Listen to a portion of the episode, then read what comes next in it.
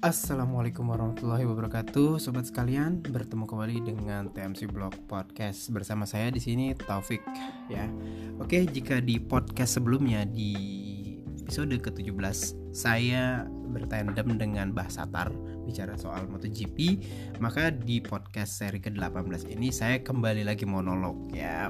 Oke, saya Taufik monolog dan ketika dengan Bah Satar itu kita ngepodcast di Tokyo waktu itu. Sekarang saya berusaha untuk bisa uh, bikin podcast ini di Kuala Lumpur gitu ya. Karena memang saat ini saya sedang berada di Kuala Lumpur bersiap untuk melakukan kegiatan touring ya. Touring di sini di Malaysia uh, bersama Honda dengan tajuk Honda Asian Journey 2019 dan dilanjutkan dengan liputan sebagai media di uh, MotoGP Sepang 2019 seperti kita ketahui uh, di Sepang nanti Mark Marquez sih udah udah udah udah state ya jadi juara dunia. Uh, eh, 2019 Honda juga udah state jadi juara manufaktur 2019 tinggal nih timnya nih siapa nih di dua seri terakhir Sepang dan Valencia?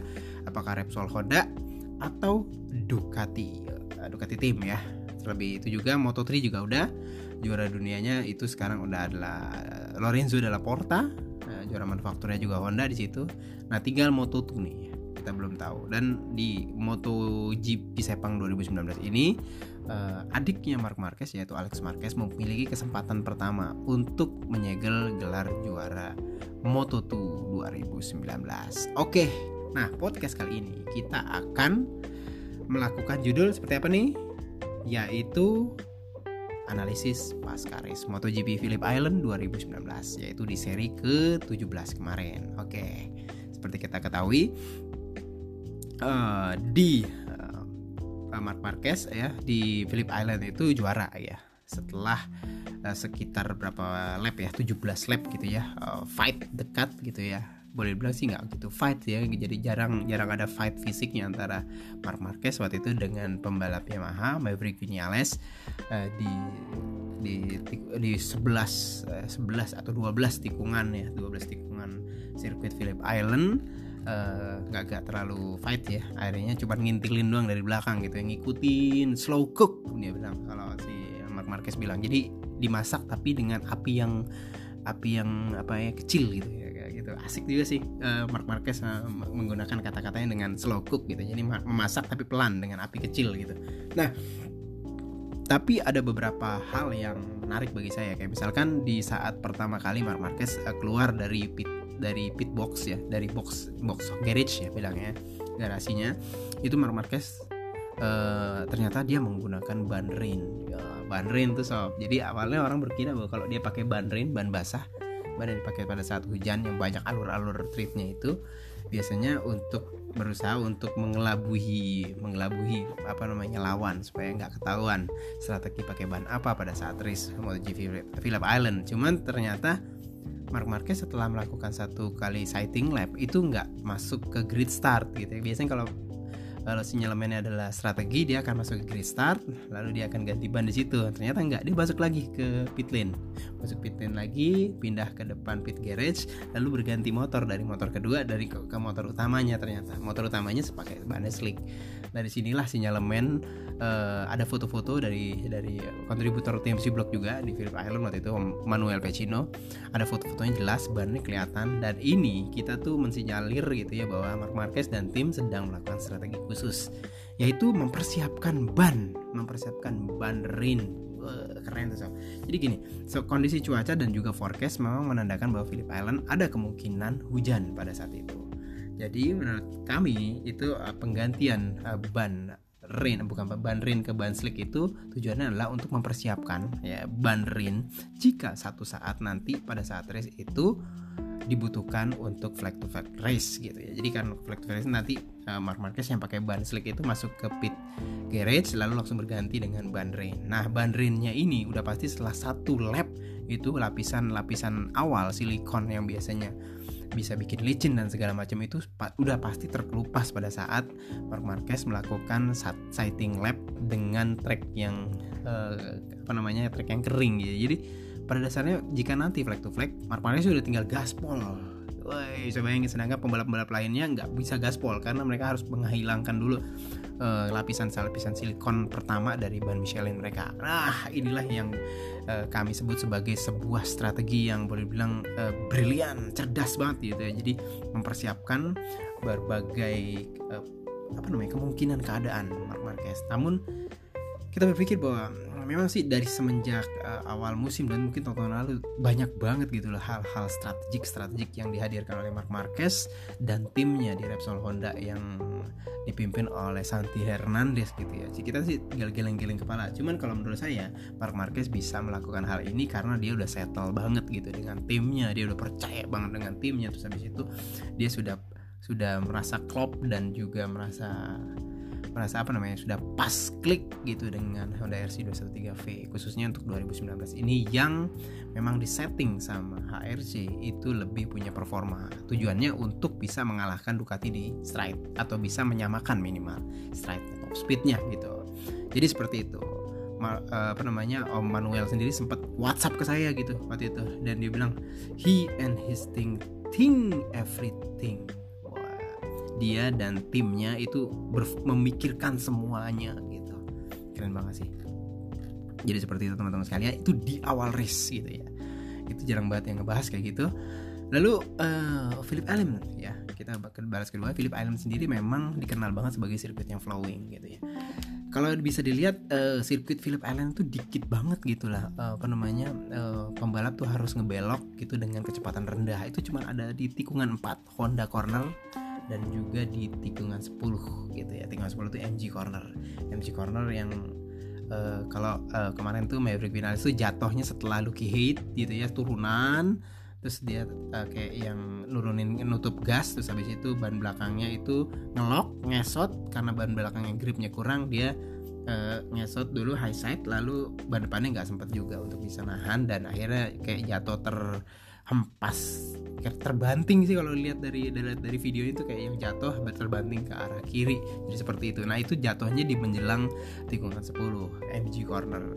Nah setelah itu akan melibas biasa kebanyakan semuanya tikungan-tikungan flowing karena flowing itu artinya tikungannya itu nggak perlu nurun sampai sampai gear rendah terus kecepatannya juga juga juga moderate gitu ya. Bisa nikung dengan kecepatan tinggi gitu ya. Speed corner corner speed. Nah speed corner itu cornernya corner speed itu uh, uh, kecepatan pada saat mengajar tikungan. Serah tinggal mana nih? Duhan corner southern loop tikungan dua stoner corner apalagi. Kenapa dibilang stoner corner? Karena di sini stoner dan juga pembalap Australia lainnya kayak misalnya Gary McCoy itu bisa biasa menghadirkan kayak power slide dengan ban belakang gitu ya di stoner corner.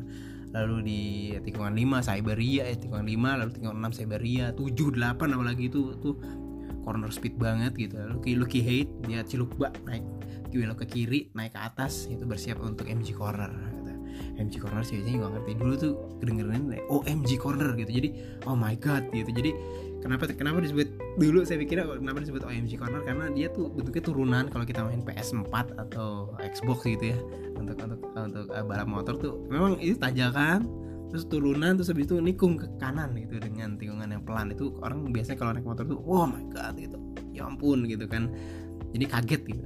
MG mungkin itu ya MG cornernya tapi nggak tahu dah itu pembahasan di luar dari podcast ini gitu. Jadi seperti itu Philip Allen. Namun uh, Philip Allen tuh memang uh, apa namanya dengan uh, corner speednya itu boleh bilang itu boleh bilang disukai oleh hampir semua pembalap. Pembalap kalau bilang uh, Philip Island wah suka banget gitu karena layoutnya yang banyak menghadirkan speed gitu.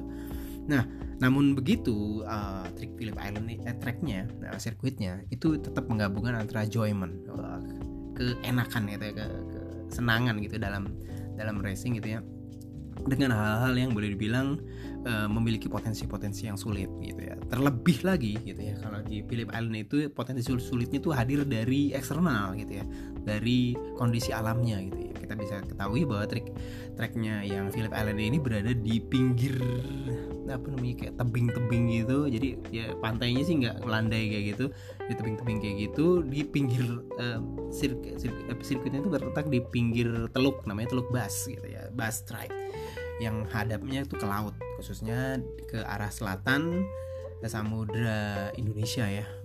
Dan dia tuh lebih dekat ke mana tuh namanya? Tuh saya jawab dulu telepon ya. Oke ini kenapa lagi? Telepon ah. Ya halo. Oke wake up call ya. Oke. Wake up call karena saya 6.30 mau berangkat nanti. Oke jadi seperti itu. Jadi uh, menghadapnya ke selatan ke Antartika. Deket lebih deket ke Antartika dibandingkan dengan Mandalika. Mandalika juga menghadap ke selatan menghadap ke Samudra Indonesia juga. Cuman biasanya uh, lebih panas gitu ya. Nah tapi di Phillip Island lebih dekat ke kutub selatan. Jadi anginnya tuh dingin gitu. Jadi contohnya kayak misalkan abis Siberia T6 T7 T8 itu uh, dinding-dindingnya itu tidak terlalu kehajar terutama dinding sebelah kanan itu tidak terlalu kena uh, aspal sehingga dia tuh kena angin dingin. Jadi pada dasarnya suhunya di dinding sebelah kanan tuh drop. Sehingga setelah Lucky Hate itu dia menghajar T10 itu kan T10 kan rada ekstrim gitu ya tikungan ke kanannya sehingga dia miring banget kebanyakan di situ nggak siap uh, apa namanya uh, dinding sebelah kanan. Di situ banyak banget tuh korban termasuk Karl Crutchlow dulu waktu udah memimpin udah apa gitu jatuh di situ. Mark Marquez juga pernah jatuh di situ dulu di tikungan 10 tikungan 11 itu. Itu memang tikungan yang tricky banget. Dan ini adalah trickynya dari track dari Phillip Island di mana angin dingin menghajar ban Michelinnya dari sebelah kanan gitu ya. Turun suhunya dan juga artinya eh, ada penurunan dari uh, kesiapan ban itu untuk ngajar tikungan. Jadi seperti itu teman-teman sekalian. Secara umum nih butuh yang namanya feeling dan kepercayaan diri terbaik terhadap setup motor dan ban pada sirkuit ini gitu sob ya. Butuhnya pokoknya pembalap harus feeling so good lah gitu. Dan mungkin juga variabel feeling so good ini bisa lebih besar daripada perhitungan teoritis belaka. Teman-teman sekalian, jika teman-teman sekalian lihat race Phillip Island yang kemarin itu ada satu yang menarik gitu ya. Di beberapa sektor itu Andrea Iannone itu sempat memimpin race berada di posisi pertama. Ya setelah berhasil overtake kalau nggak salah si Cal Crutchlow ya. Dan ini benar-benar sejarah ya bagi Aprilia sendiri yang uh, pada saat itu uh, maksudnya sejarah semenjak Aprilia balik lagi ke MotoGP 4 tak. Di mana uh, boleh bilang Andrea Iannone merupakan pembalap pertama Aprilia yang sempat memimpin race. Wah ini tuh sejarah banget gitu. Cuman pada saat itu akhirnya Cal Crutchlow di stride berhasil mengalahkan dengan mudah banget uh, Andrea Iannone karena boleh bilang secara data kalau saya lihat gitu dari data itu speednya top speednya itu uh, Aprilia RSGP yang dihajar dipakai oleh Iannone itu kalah 7 km per jam so dibandingkan dengan Honda RC213V nya Cal Crutchlow. Udah pasti kalau udah kayak gini ya mau gimana lagi ya tinggal geleng-geleng kepala aja Aprilia kalah gitu di stride Lalu di race uh, Grand Prix atau MotoGP Phillip Island kita tahu bahwa Fabio Quartararo jatuh. Ya, cuman jatuhnya ini ya ada akibat dari dari dari dari keputusan dia sendiri yang salah menggunakan ban belakang hard yang artinya kalau ban belakang hard itu butuh waktu yang lebih panjang untuk mempersiapkan ban tersebut memasuki uh, suhu yang optimal untuk dipakai untuk miring-miring. Nah, suhu ini dipakai untuk bikin grip yang pas sesuai gitu nah jadi di tikungan berapa ya? Dua apa tiga gitu ya setelah start berlangsung itu Fabio Quartararo tuh, tuh kayak slide dikit terus dia ya namanya juga orang slide ban belakangnya belum siap terus uh, agak drop dikit jadi mungkin dia sendiri drop dikit terus habis itu dia agak melebar dikit. Nah masalahnya pada saat dia drop di belakang itu terjadi kayak yang high side-nya ya Danilo Petrucci gitu Danilo Petrucci juga pakai ban belakang hard dia uh, salah terus habis itu high side Danilo Petrucci itu antara motor dan dan dan dan dan Danilo sendiri mentalnya beda gitu. Jadi Danilo mental ke agak depan terus motornya jatuh ke belakang. Nah mentalnya tubuh dari Petrus itu menimpa uh, Fabio Quartararo. Jadi dua-duanya jatuh di situ. Namun Fabio Quartararo sih agak legowo juga. Dia bilang kalau saya nggak kena uh, Danilo Petrucci sendiri sih saya sepertinya akan masuk ke gravel gitu. Karena karena karena kejadian slide yang awal gitu. Slide ban belakang terus dia minggir ke samping dan dia memperkirakan dia juga akan masuk ke gravel harusnya walaupun dia tanpa kena um, Petrusi dan Petrusi ya. Jadi seperti itu teman-teman sekalian. Saya pikir sih cukup dewasa juga untuk me, apa namanya menghadapi kenyataan bahwa ini tuh racing gitu ya. Saya pikir cakep juga. Cuman memang uh, ada komentar dari Danilo Petrucci di beberapa media termasuk GP1 yang saya baca gitu ya.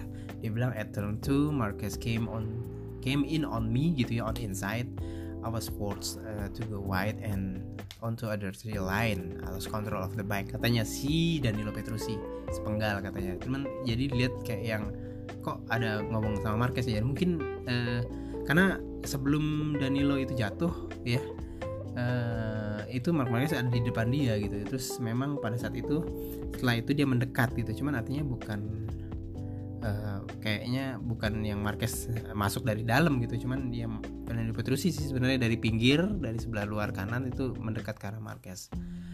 Nggak ada touching ya tapi saya nggak tahu ya kenapa apa namanya Danilo Petrucci bisa ngomong seperti itu ya? Kesannya kayak yang dia kena atau atau ada akibat dari Marquez. Cuman ya butuh ngelihat lebih dalam sih mulai lebih dalam. Cuman kalau dari kamera helikopter kayaknya yang agak sedikit uh, kontradiktif dengan omongan Danilo Petrucci jadi seperti itu itu untuk uh, tragedi drama-drama di awal. Jadi ada Mark Marquez tadi ada Fabio Quartararo yang jatuh dan juga Danilo Petrucci yang jatuh. Dan juga uh, sejarah uh, Aprilia yang sempat apa namanya sempat memimpin gitu ya. Seperti teman-teman sekalian tahu juga di Phillip Island ini pertama kalinya Johan Zarco itu turun ya dengan Honda RC203V 2018 miliknya Takaki Nakagami yang di uh, shouldernya itu dioperasi. Mulai hari ini di mana nih? Eh, kemarin 30 30 jadi so, uh, di operasinya itu 30 Oktober 2019 dan berhasil katanya.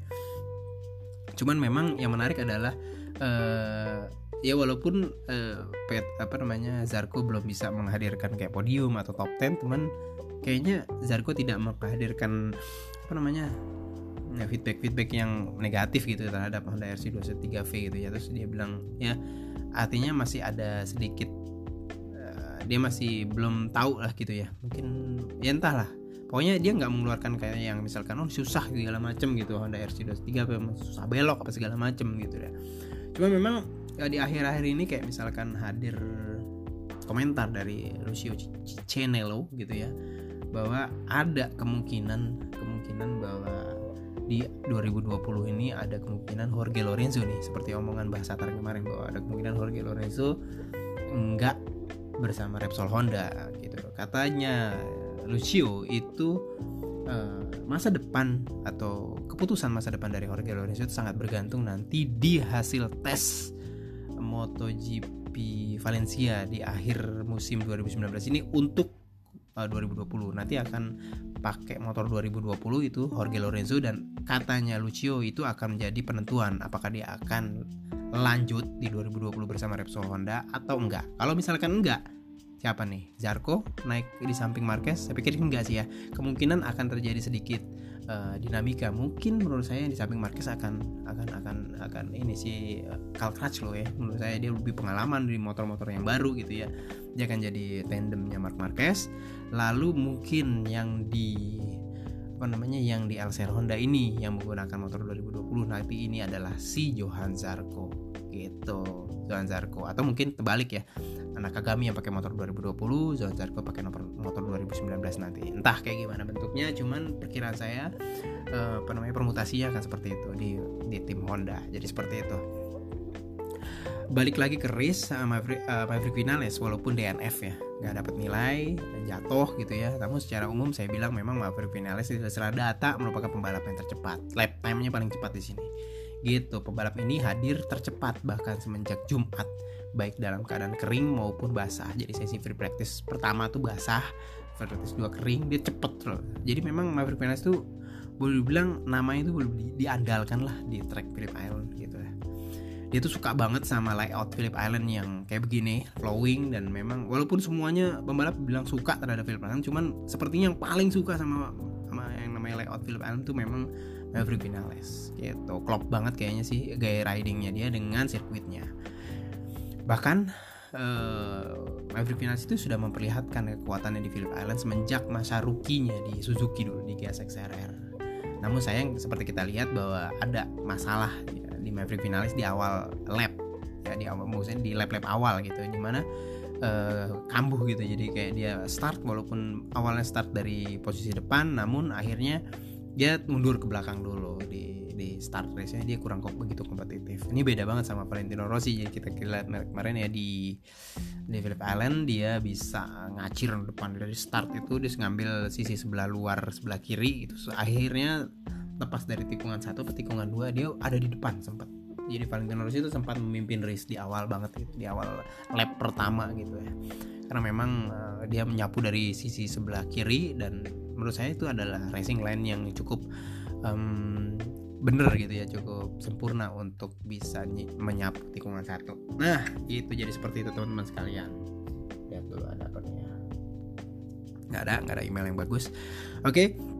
nah walau bagi saya walaupun Maverick finalis itu crash gitu ya, ya crash sendiri sih nggak ada crash ada apa-apa lain. Cuma menurut saya fight of the race tetap ada di fight antara Maverick Vinales dengan Mark Marquez gitu ya cuman sebenarnya fightnya nggak bukan fight brutal gitu ya yang saling ofensif dan segala macem. Terus boleh bilang cold war gitu. Jadi kayak perang dingin antara keduanya.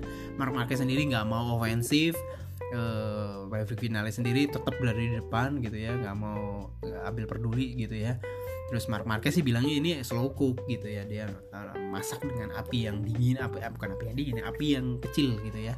Jadi pelan pelan masaknya gitu ya untuk bisa meraih kemenangan slow cook ya uh, gitu menurut saya sih uh, ada yang menarik gitu ya. Mark Marquez dalam perkataannya di pasca race mengatakan bahwa Maverick kencang banget sepanjang race sehingga ia memilih untuk bertahan gitu ya untuk mengikuti race pace-nya Maverick Vinales slow cook lah.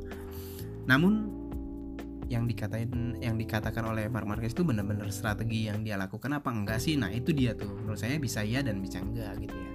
Saya sih merasanya kayak yang ini Marquez nih kayak yang nggak menghadirkan semua yang yang strategi yang dilakukan pada saat ngomong ke media gitu ya. Ter, uh, terlebih lagi atau terfokus lagi di 17 lap mulai dari lap 10 sampai ke lap ke 26 kalau menurut kalau untuk eh, ntar kita bicara lagi tentang Mark Marquez gitu ya Maverick Vinales sendiri ya kenapa dia bisa apa namanya keren banget di Phillip Island? Yang pertama itu karena memang talenta dan kesukaannya dia terhadap layout sirkuit dan yang kedua dia berhasil menghadirkan setup yang bagus sih menurut saya di Yamaha M1 nya seperti kita ketahui di 2018 sendiri waktu Yamaha M1 tuh masih struggle strugglenya nih sob ya pada saat itu dia berhasil menghadirkan Yamaha M1 di podium tertinggi dan boleh dibilang berhasil uh, menghentikan puasa gelar juara serinya Yamaha pada saat itu. Oke. Okay. Yamaha tuh berterima kasih banget sama Maverick Vinales ya karena bisa seperti itu ya.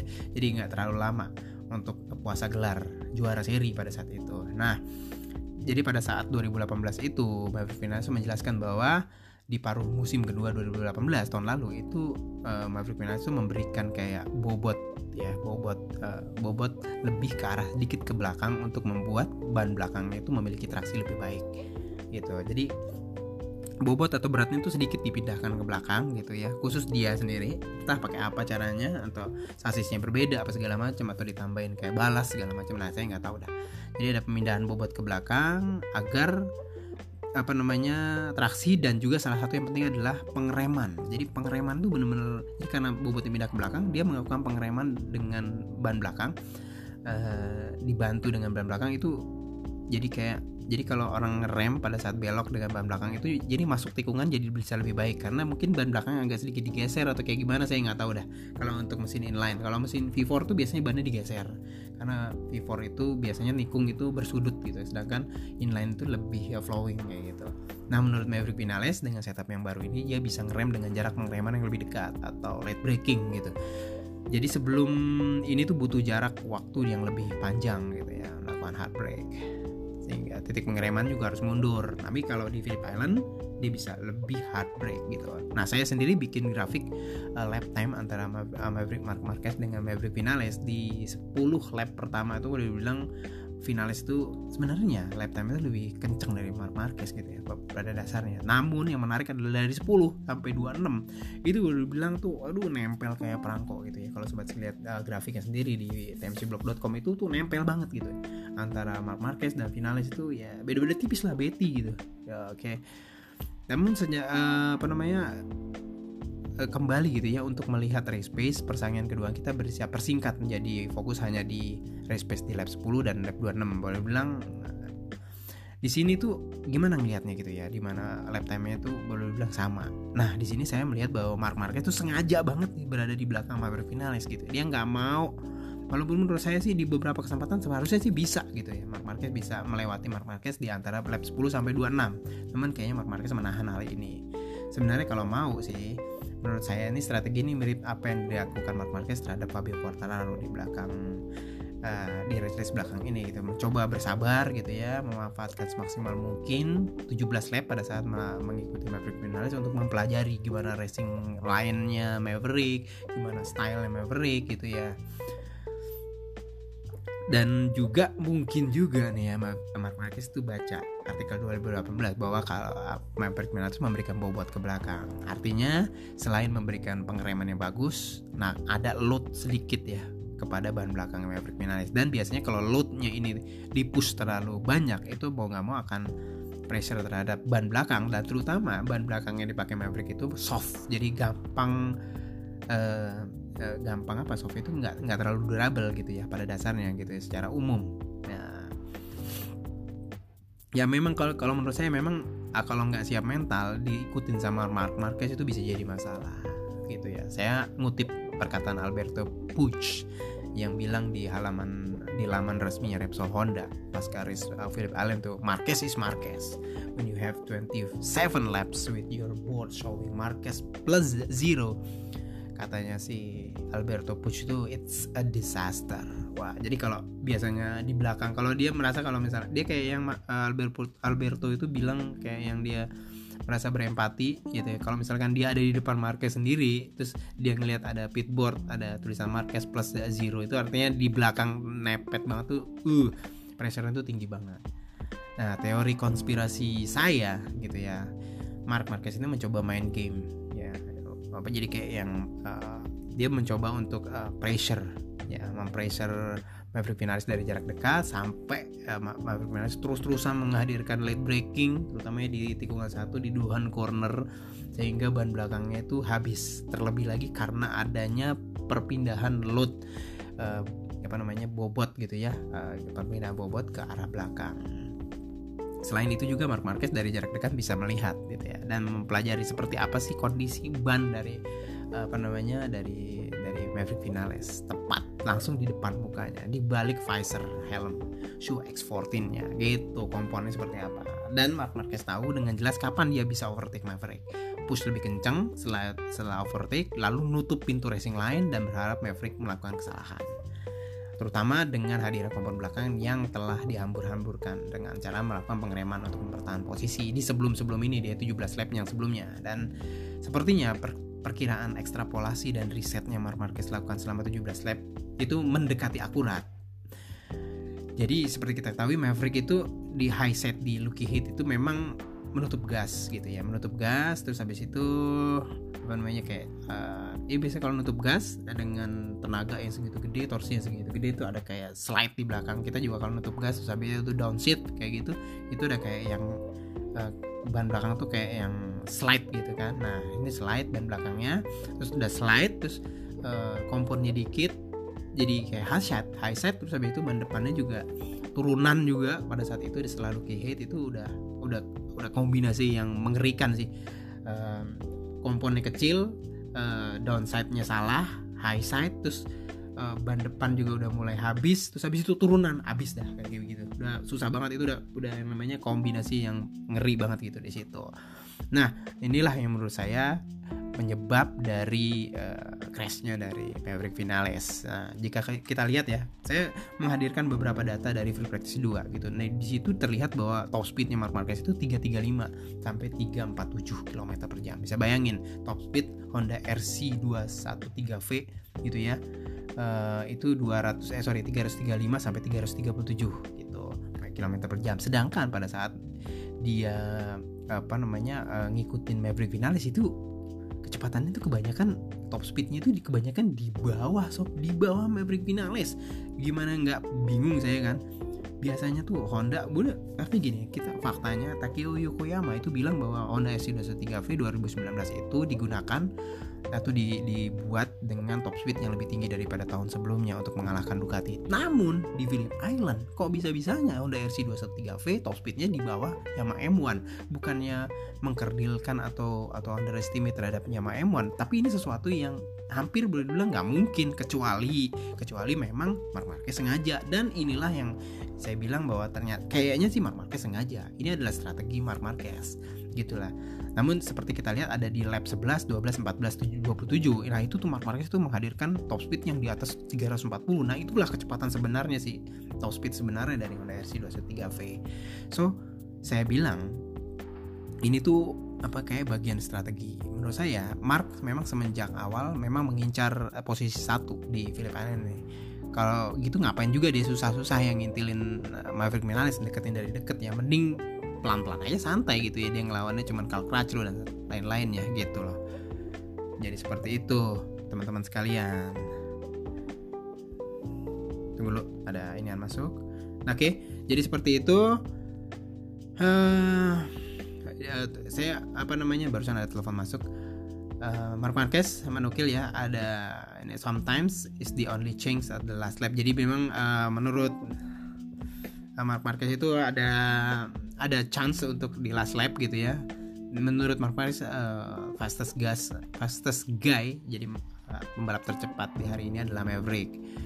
Um, jadi ya pada dasarnya sih ya tetaplah di berdasarkan apa namanya omongan ke media sih tetap Marmaris itu bilang Maverick tercepat bla bla bla bla bla gitu ya namun kalau saya ngeliat dari dari data sih kayaknya ya bukannya Maverick Maverick finalis memang benar tercepat. Cuman eh, dia yang sengaja untuk bisa membuat Maverick Vinales terkesan jadi yang tercepat gitu. Slow cook gitu ya slow cook. Dimasak dengan api yang dingin api yang ini sorry sorry dimasak dengan api yang kecil kayak gitu lah jadi kayak menurut saya Mark, Mark Marquez itu seperti kayak playing cat and mouse lagi gitu ya di Philip Allen di mana uh, tikusnya itu Maverick Vinales Mark Marquez kucing gitu ya intelektualnya tinggi dan mempermainkan strategi mengamati mempelajari sampai tiba waktu si kucing untuk negrep. Wah untuk menerkam sang tikus di lap terakhir. Buat saya sendiri kembali lagi Mark Marquez sukses ya untuk ngadalin orang lagi gitu. Cuman memang uh, situasinya berbeda dengan pada saat dia uh, apa namanya fight dengan Rins terus fight dengan dengan Fabio Quartararo. Agak sedikit beda dengan untuk untuk uh, apa namanya untuk nginiin Maverick Vinales gitu ya. Jadi seperti itu teman-teman sekalian. Review apa namanya apa namanya apa namanya review atau analisis dari pasca race MotoGP Phillip Island 2019 di mana menurut saya di sini memang Mark Marquez melakukan semacam kayak slow cook gitu ya. Mem memasak kemenangan dengan pelan dengan api kecil. Namun uh, dia melakukannya seperti apa slow dia melakukan riset dia menganalisa melawan Maverick Vinales. Dia tidak me, tidak push uh, top speed dengan tinggi gitu di sini dan segala macam. Dan akhirnya berhasil di tikungan eh di tikungan terakhir di lap terakhir Mark Marquez berhasil uh, finish uh, overtake dulu uh, Maverick Vinales di di mana di di straight Garner straight dan lalu uh, jaga racing line tutup uh, racing line akhirnya Maverick Vinales sendiri yang terjatuh di pasca lucky hit menuju MG corner. Itu aja. Mungkin mudah-mudahan ada yang bisa dipelajari dari podcast ini dari maksudnya dari apa yang dilakukan oleh Mark Marquez segala persiapannya dia terus strateginya dia dan mudah-mudahan bisa berguna bagi kita semua. Itu aja untuk podcast kali ini. Mudah-mudahan kita bisa bertemu kembali di podcast selanjutnya Semoga teman-teman sekalian bisa sehat semua. Saya doakan. Itu aja. Salam dari Kuala Lumpur. Assalamualaikum warahmatullahi wabarakatuh.